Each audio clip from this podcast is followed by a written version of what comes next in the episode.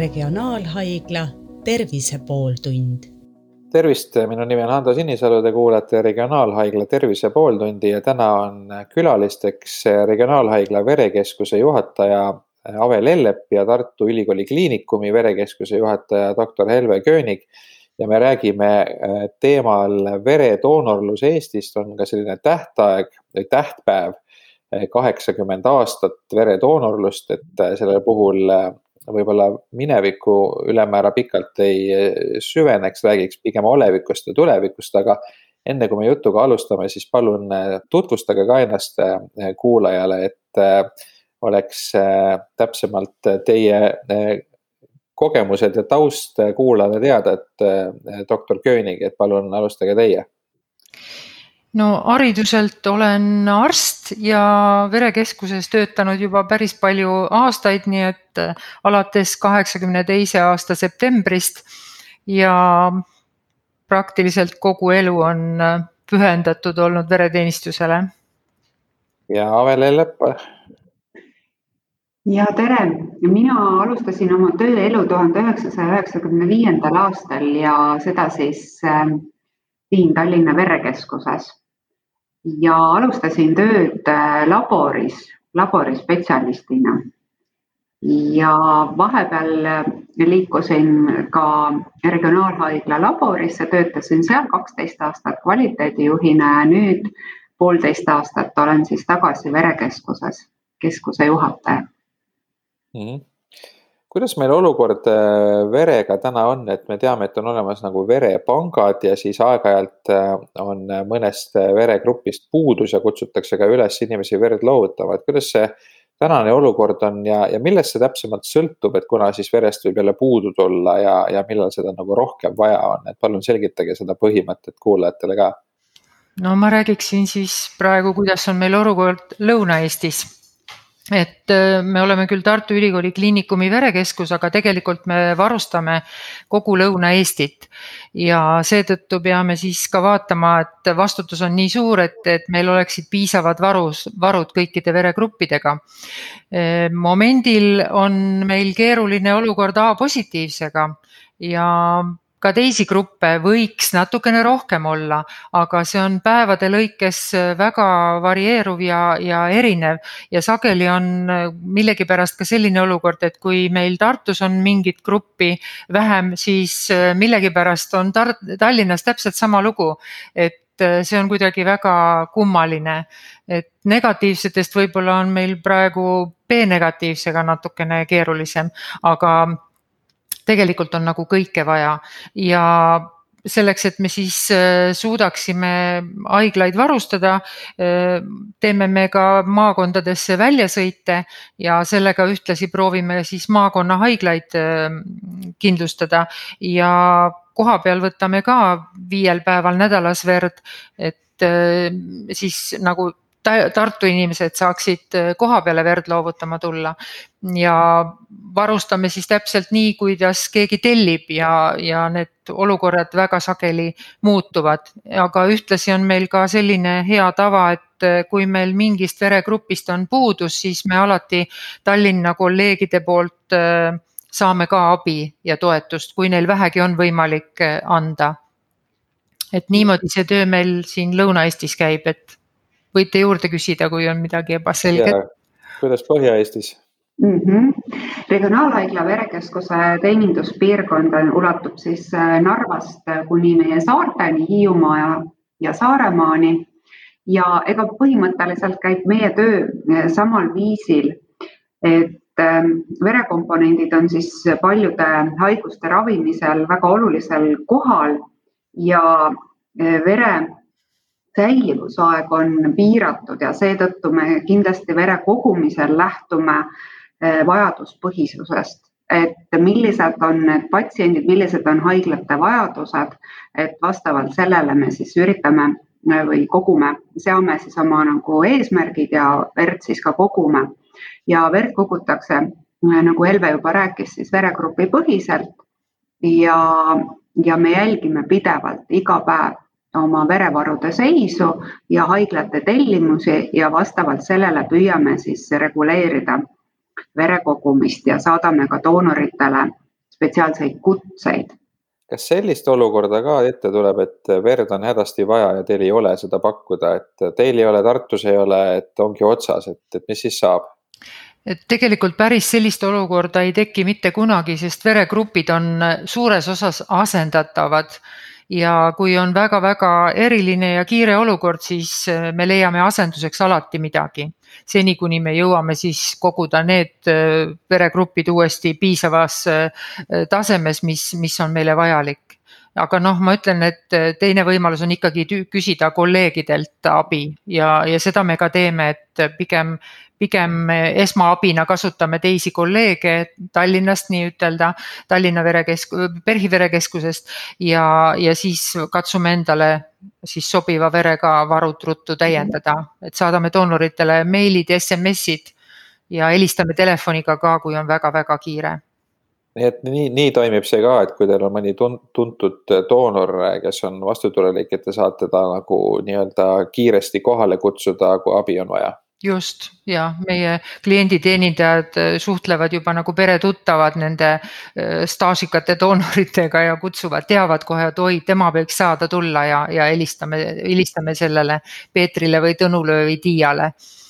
mm. -hmm. et meil on olemas ju doonorite andmebaas, kus on siis veregrupi põhiselt äh, kõik, kõik doonorite doonorid kirjas, nende kontaktandmed ise, nad on meile selle loa andnud, et me võime neile vajadusel äh, helistada, ühendust võtta ja seda me siis ka kindlasti teeme. ja tõepoolest on vahest mõned väga erilised veregrupid, äh, kus, äh, mille levimus on elanikkonna hulgas väga väike ja kui satub sellise veregrupiga inimene haiglasse patsiendina, siis, siis tõesti talle on keeruline verd leida ja me kutsume spetsiaalselt siis inimesed selleks. aga nagu Helve rääkis, sellist olukorda tõesti ei ole, ei ole tekkinud, et meil nüüd keegi jääb ilma vereta, et kas siis on gruppide asendamine või siis meil on ju koostöövõrgustik, et me loomulikult abistame ja üksteist. Aga see vere loovutamine käib tasuta ja see on nagu selline põhimõte juba ammust aega, et kas, kas raha eest ei oleks mõistlik äh, verd koguda, et pakkuda inimestele hüvitust selle eest, et äkki siis saaks rohkem doonoreid ja rohkem verd ja siis seda defitsiidi probleemi ei tekiks, et miks see peab tasuta olema? Selle põhimõte on siiski see, see, et me teeme heategevust, me teeme kingitust ja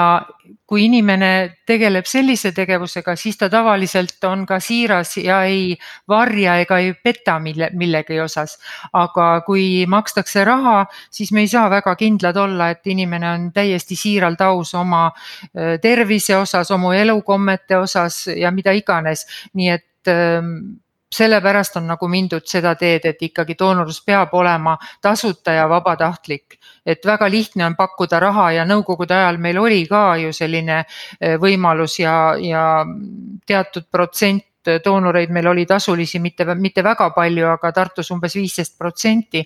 ja siiski me nägime, et eh, raha eest kippusid tulema andma ka need inimesed, kes ei peaks mitte doonorid olema, kellel võib-olla see raske elu paistab juba näost välja, nii et äh, jumal tänatud, et meil sellist vajadust enam ei ole raha eest doonoreid võtta. et ähm, ja Euroopa Vereallianss, äh, kuhu siis kuulub ka Eesti, on kindlalt äh, seisukohal, et doonori ainuke motiiv vereloovutuseks peab olema siis heategevus. just täpselt sellel eesmärgil, et see on siiras soov siis teist inimest aidata, et ei oleks siis mingit teist motivatsiooni, just sellist omakasu motivatsiooni. et äh, kuna vere,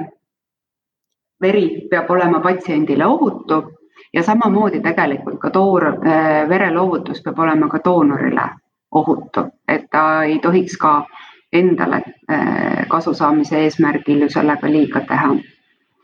aga kui palju seda verd äh, kontrollitakse selles mõttes, et kui ohutu see äh, sellele patsiendile on, sest võib ju olla selline olukord, kus, äh, kus doonor ise ka ei tea, et tal üks või teine terviseprobleem on ja nii-öelda heauskselt siis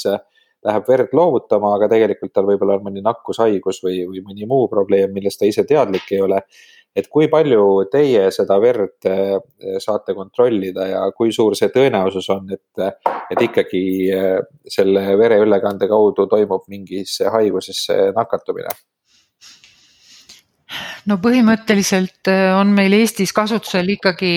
võib öelda nii-ütelda maailma tasemel testid, et meie mm, doonorite kontroll ei erine mitte mingilgi määral äh, doonorite kontrollist äh, Saksamaal või Ameerikas või Inglismaal, kus iganes. et selles suhtes testid on meil väga head ja me testime nõutavate viiruste ja, ja nende haigustekitajate suhtes, nagu need on B-hepatiit, C-hepatiit, HIV viirus, süfilis, et need on põhiasjad, mida me kontrollime doonoritel ja need testid peavad andma kõik negatiivse tulemuse, aga loomulikult äh, aknaperiood nakatumisest kuni selle viiruse avaldumiseni, see ikkagi jääb, et ükskõik kui imemeetodeid, äh, antud juhul me kasutame PCR meetodit, mis on väga tundlik, aga siiski see väikene vahe jääb sinna. Ja selle tõttu on hästi oluline doonorite selektsioon, valik, et me küsitluse teel ka juba suudame osa asju välja lülitada, et, et oma elu käitumise ja, ja tegevusega see inimene võib või ei või doonoriks olla. Nii et selles mõttes sada protsenti see siiski, see testimine täna ei, ei, ei ole nagu kindel, et seal on mingi õrn võimalus, et ikkagi äh,, ikkagi see viirus või, või haigustekitaja on juba veres, aga ta on lihtsalt nii värske, et ta veel ei avaldu, et täpselt nii, jah selline võimalus jääb alati et, et sada protsenti maailmas ega ükski test ega mingi asi maailmas ei ole kunagi sada protsenti kindel. aga mulle meenub ühel, ühel koolitusel äh, selline lause, et äh, tänapäeva tehnoloogia, tänapäeva testide Eh, juures on eh, suurem tõenäosus eh, sattuda lennuõnnetusse, kui saada vereülekande teel HIV-nakkus. et, et see tõenäosused on tegelikult väiksed ja siin ma tahan öelda seda, et mitte ainult ei ole oluline see testimine ja need kõrgetasemelised testsüsteemid, vaid samaväärne või vaata et olulisem ongi see doonorite selektsioon, need doonoritele kehtestatud äh, äh, nõuded, et ja see meditsiiniline läbivaatus, mis kindlasti eelneb alati äh, vereloovutusele. Aga mis need doonori nõuded on, et siin enne oli jutuks ka elustiil või elukombed, et, et rääkige palun äh, Äh, millised inimesed äh, siis ei sobi või mis need asjad on, mis välistavad doonoriks oleku? no kindlasti igasugused äh, narkootilised ained, siis ütleme väga palju seksuaalpartnereid, mõni küll ütleb pärast, et mis tähendab palju kõik sellised, ehm, kõik sellised äh, asjad, kus äh, võidakse nakatuda verega edasikanduvatesse haigustesse. Ehm, samuti tätoveerimised, igasugused muud protseduurid, mm, mitte ainult äh, nüüd need iluprotseduurid, ka meditsiinilised protseduurid nagu mm, sellised uuringud Äh, kus äh, võib kokku puutuda võõra verega või see instrument ei ole näiteks väga hästi steriliseeritud, et võib ühelt patsiendilt teisele midagi kanduda. no siis ka kindlasti reisimised, kui inimene tuleb sellisest ohtlikust piirkonnast ja näiteks on seal mingit pidi haige olnud, aga ta ei ütle meile seda. et äh, kõik sellised noh, neid on veel palju-palju, mis ei tule kohe hetkel pähe, aga, aga, aga sellised võimalused on jah.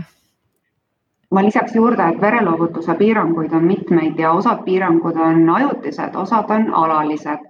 Ja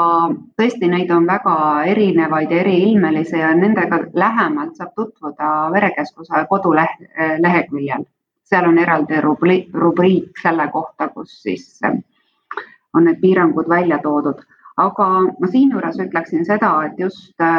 nüüd sel kevadel me muutsime doonorite valiku kriteeriumeid ja nüüd saavad verd loovutada ka need inimesed, kes tarbivad vererõhuravimeid või näiteks antidepressante, mis oli siiani Eestis siis vereloovutust takistavad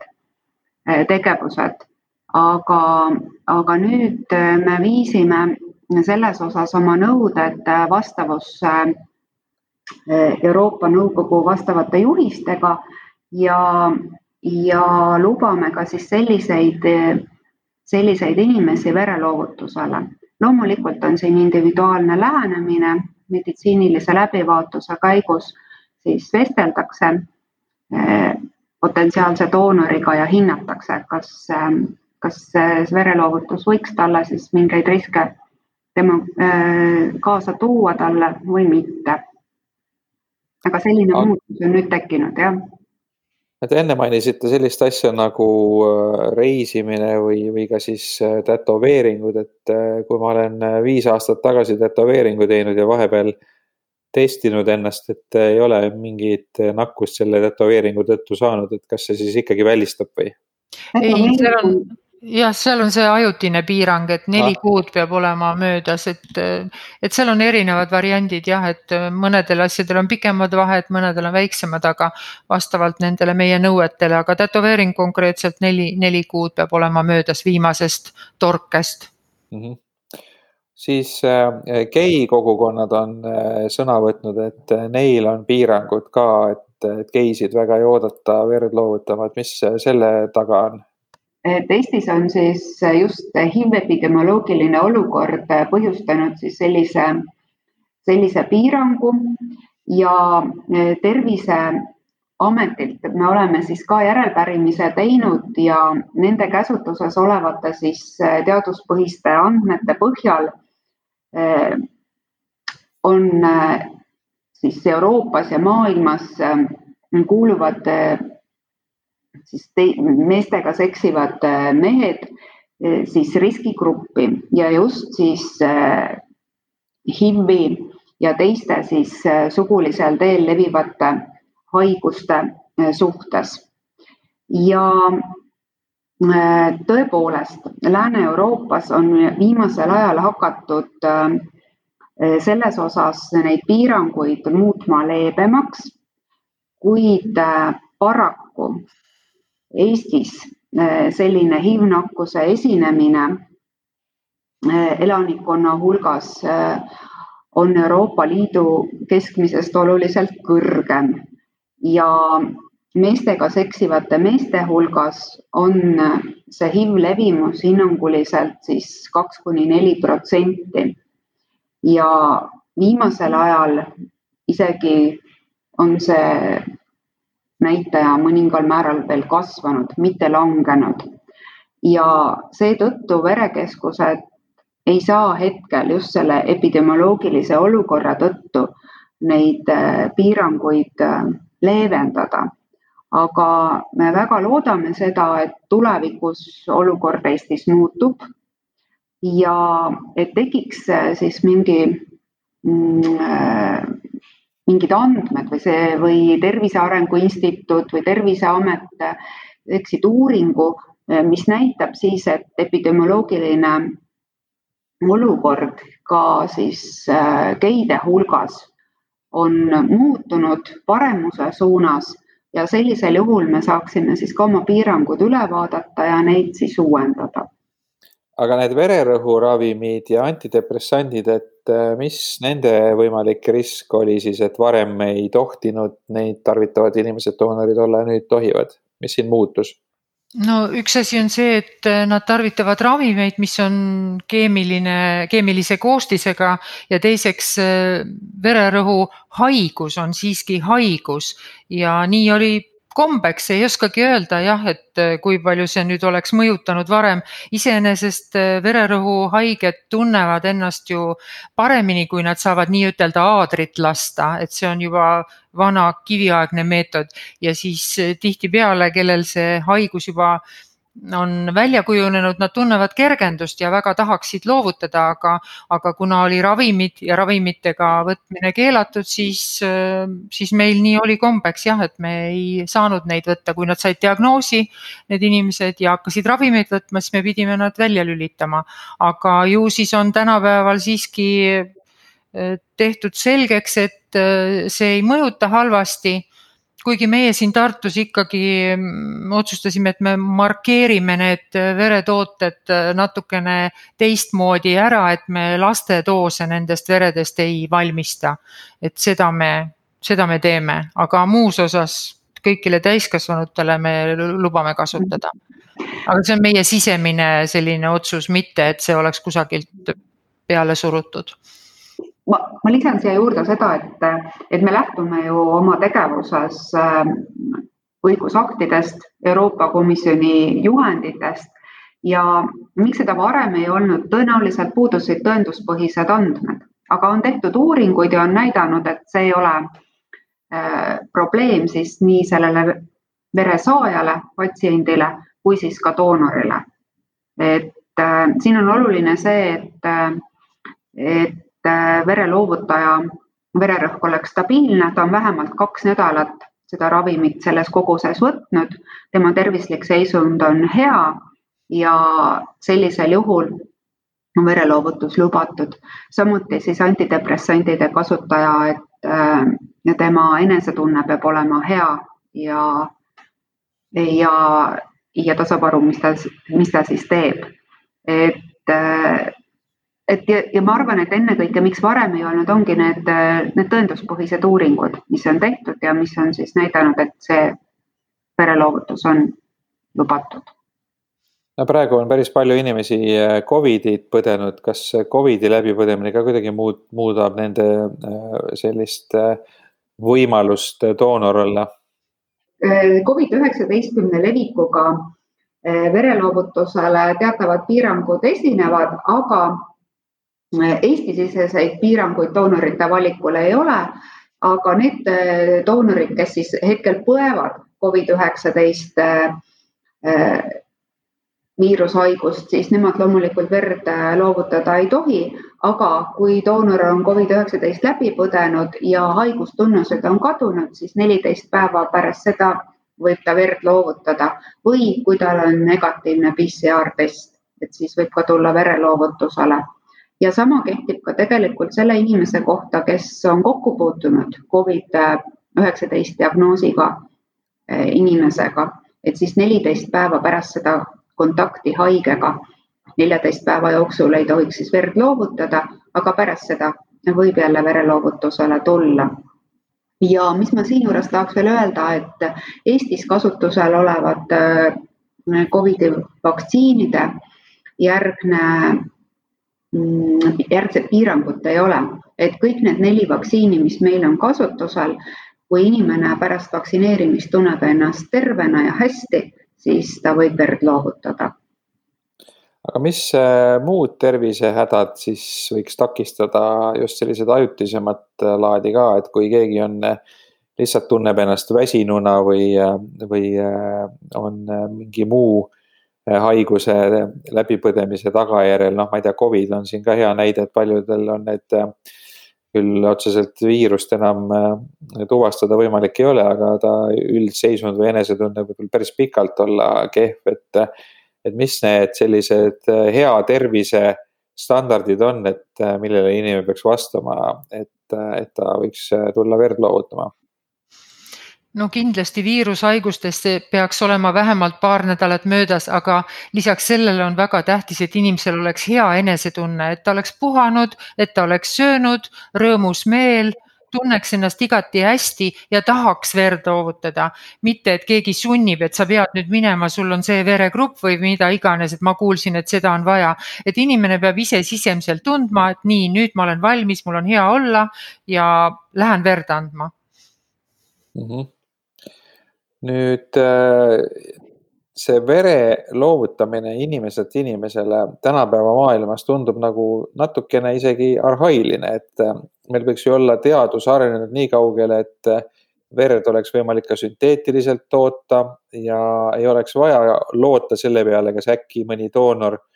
on valmis loovutama verd või mitte, et see natukene ikkagi on selline noh, juhuslik või, või raskesti kontrollitav, et, et võib äh, väga paljude halbade asjaolude kokkusattumisel ju tekkida olukord, et ei ole doonorit. et äh, miks äh,, miks ei ole praegu siis arendatud välja sellist sünteetilist verd või, või, või kaugel need uuringud ja, ja teadusarendused on, et sinnapoole liikuda? no need uuringud on päris kaugel ja neid on juba ikkagi mitukümmend aastat tehtud, aga siiski sellist head hapnikutransportijat, nagu on erütrotsüüt, ei ole veel avastatud. Ja uurivad ja uurivad, aga ei ole. nii et see ei ole nii lihtne, et kõige parem äh, ikkagi on see inimdoonor kes oma vere loovutab, et sellel verel on ka teisi omadusi, et ta ei ole ainult, ta asendab teatud vormelemente, aga seal on ka muud omadused, igasugused bioloogilised, biokeemilised ja nii edasi, et et see on natuke keerulisem, et, et öeldakse, et veri on elus kude tegelikult. Ja seda päris järgi teha, see on umbes niimoodi, et me ei saa ja saa kuidagi ka kuskilt printida välja sellist aju, nagu meil on või, või, või mingeid muid organeid, et veri on ainult teisel, teises olekus, aga ta on ka üks kude. Ja, ja uurivad küll ja proovivad ja see oleks väga tänuväärne, kui see lõpuks leitakse üks imelahendus, sellepärast et siis kaoks ära need probleemid veregruppidega ja igasugused sobivused ja nii edasi, aga see kahjuks ei ole nii lihtne, jah. nüüd üks no. Äh, põnev äh, teema veel on äh, afereesi doonorlus, et mida see endast kujutab, et Ave Lellep, kas te oskate seda lahti seletada tava, tavainimesele, kes meid kuulab? Ja, ja me nimetame isegi oma afereesi doonoreid äh, sellisteks vipp-doonoriteks, nad on äh, natuke nagu kõrgemad äh, täisveredoonoritest, aga aferees on põhimõtteliselt selline protseduur, kus ühe loovutusega on võimalik anda rohkem. et protseduuri ajal eraldatakse doonori verest siis see vajalik osa, vajalik verekomponent ja laias laastus äh, praegu Eestis olevaid afereese jaotatakse siis kaheks, on plasmaaferees, sellel käigus kogutakse siis äh, plasmat, ühe protseduuri käigus siis kolm äh, ravidoosi plasmat, kui täisvere pealt me saame ühe ravidoosi. Ja, ja siis on ka multikomponent afereesi protseduur, mille käigus me kogume siis lisaks plasmale ka vereliistakuid ehk trombotsüüte et selle protseduuri käigus äh, saame me siis äh, samaaegselt koguda, eks ole, nii trombotsüüte kui siis ka plasmat. afereesi protseduuril on võimalik käia sagedamini doonoril. et kui muidu on vereloo, täisvereloovutus äh, naistel siis kolm-neli korda aastas, meestel viis-kuus korda aastas võimalik, siis afereesi võib anda iga kahe nädala tagant käia protseduuril siis äh, kaksteist korda või, või isegi siis äh, kakskümmend neli korda aastas. et tegelikult, kui me räägime nagu üldse sellest verevajadusest maailmas, siis me ju näeme, et viimasel ajal äh, trend on selles suunas, et rütrotsüütide ehk punaliblede vajadus ju tegelikult langeb ja, ja seda ka siis meil Eestis, aga vastukaaluks siis äh, tõuseb jälle plasmavajadus. Ja miks siis see plasmavajadus äh, kogu maailmas tõuseb? Ja seda ka siis Euroopas. Äh, seetõttu, et plasmast valmistatakse ravimeid ja nende kasutamine järjest laieneb. Ja ei ole ka näha, et see, see saaks, seda saaks millegi muuga asendada ja et seda kasutamist äh, tulevikus või lähitulevikus siin väheneks ja sellise plasmapreparaatide toormaterjaliks on ainult siis äh, inim-, inimeselt saadud vereplasma. ja Euroopas ollakse siis sellel seisukohal, et, ähm, et peaks vähendama siis kolmandatest riikidest sisse ostetud vereplasmat hulka selliste preparaatide valmistamiseks ja et iga piirkond, iga riik peaks iseennast selles osas ära majandama. nii et kindlasti plasma vajadus lähiajal ei vähene, vaid pigem kasvab jah, aga eritrütsüütide koha pealt tahan veel seda öelda, et äh, kuna ma olen nii pikka aega vereteenistuses töötanud, siis ma olen näinud, kuidas äh, on muutunud see tarbimine äh, tõepoolest erinevate operatsioonide puhul järjest vähemaks, et kui kunagi kardiokirurgia operatsioone tehti kuue-seitsme doonori verega, pluss veel omal ajal tehti veel otseülekandeid sinna juurde, siis praeguseks praktiliselt vere kasutamine südame südameoperatsioonide puhul on minimaalne, samuti ortopeedilised operatsioonid, väga palju organite operatsioone tehakse laparaskoopiliselt, et tänu kirurgia arengule ja, ja tublidele kirurgidele on meil vere kasutamine ehk erütrotsüütide suspensiooni kasutamine väga palju langenud. Ja selle tõttu mitte, et, et verd oleks vähem vaja, vaid operatsioonimetoodikad on niivõrd palju paranenud, paranenud ja edasi arenenud ja operatsioone kus... tehakse isegi veel rohkem kui äh, vanasti ju. jah. kus veel verd läheb vaja, just äh, oluline on siin ka siis see aferees, on needsamad multikomponent aferees ehk afereesi trombotsüüdid, et äh, selle vajadus ka sugugi mitte pole langenud, vaid pigem pigem tõusutrendis ja see on, neid komponente kasutatakse onkoloogiliste patsientide ravis, keemiaravil protseduuride käigus ja, ja, ja, ja teistel siis äh, just.... paraku, paraku vist onkoloogilisi haigeid muudkui tuleb juurde, nii et elanikkonna vananedes äh, see pole niimoodi, et see, et need haigused kuhugi kaoksid, vaid pigem on kasvutrendis, nii et seetõttu ka, ka nende komponentide vajadus järjest kasvab. Mm. -hmm aga lõpetuseks, äh, mida te ütleksite äh, potentsiaalsetele doonoritele, inimestele, kes ei ole äh, verd veel loovutama tulnud ja võib-olla kõhklevad, mõtlevad, et mis pärast, mis võiks olla see motivatsioon, miks seda teha? no iga vereloovutus äh,, iga loovutatud veredoos aitab päästa kellegi elu ja on kindlasti hindamatu väärtusega. ja selleks ei pea õppima arstiks, et päästa elusid, vaid piisab, ole doonor. suur tänu, äh, meiega vestlesid äh, Regionaalhaigla verekeskuse juhataja Ave Lellep ja Tartu Ülikooli Kliinikumi verekeskuse juhataja doktor Helve Köönig.